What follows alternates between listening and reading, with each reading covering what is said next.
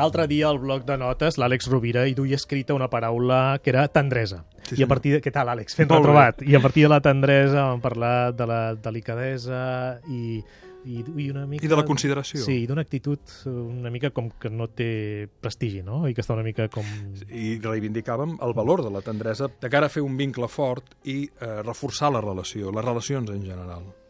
I avui al bloc de notes l'Àlex hi porta la paraula esguard, que és una paraula molt bonica. Sí, senyor. I què, què ens vols dir a partir de l'esguard? Mira, perquè precisament a partir de, la, de que dèiem l'altre dia de la tendresa i de la consideració i de la delicadesa, sort, sortint de- d'estar de, xerrant amb tu, Gaspar, pensava que hi ha paraules com aquesta esguard, que és un sinònim de mirada. Però l'esguard és una mirada intencionada i el sinònim directe d'esguard és consideració, mirament i respecte. I crec que té molt a veure amb l'univers d'idees que navegàvem l'altre dia. Quan es parla de la mirada apreciativa en psicologia, en psicologia social, en psicologia clínica, no, no estem deixant de parlar de l'esguard, és a dir, com mirem el món, com mirem a l'altre, com ens mirem a nosaltres mateixos. M'agrada entendre l'esguard com aquella mirada a l'altre que intencionadament busca sumar en lloc de, res de restar, busca apreciar en lloc de despreciar, busca l'esperança més que la, la desesperança o el desànim o la resignació.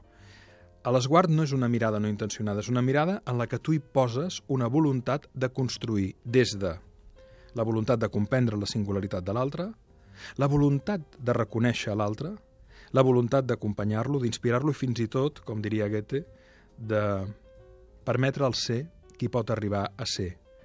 Um, Gaudí va construir una casa molt bonica que es diu Bellesguard i crec que aquest Bellesguard no només el podem referir als objectes, l'hauríem de referir també a la manera en la que tenim de mirar el món i de relacionar-nos amb el món. Igual que l'altre dia reivindicàvem la importància de la paraula tendresa i de la conjugació de l'acció de la tendresa, avui ens agradaria subratllar i portar sobre la taula l'esguard, el vell esguard, el bon esguard, la mirada apreciativa, aquella que convida que l'altre sigui més feliç, visqui més ple i trobi en si mateix més possibilitats de les que d'entrada creu que té.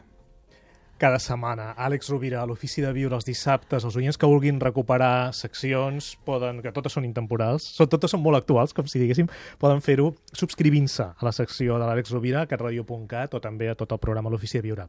Àlex, moltíssimes gràcies. Fins dissabte. Bon esguard. I bona setmana. Els oients també, moltes gràcies. Una abraçada.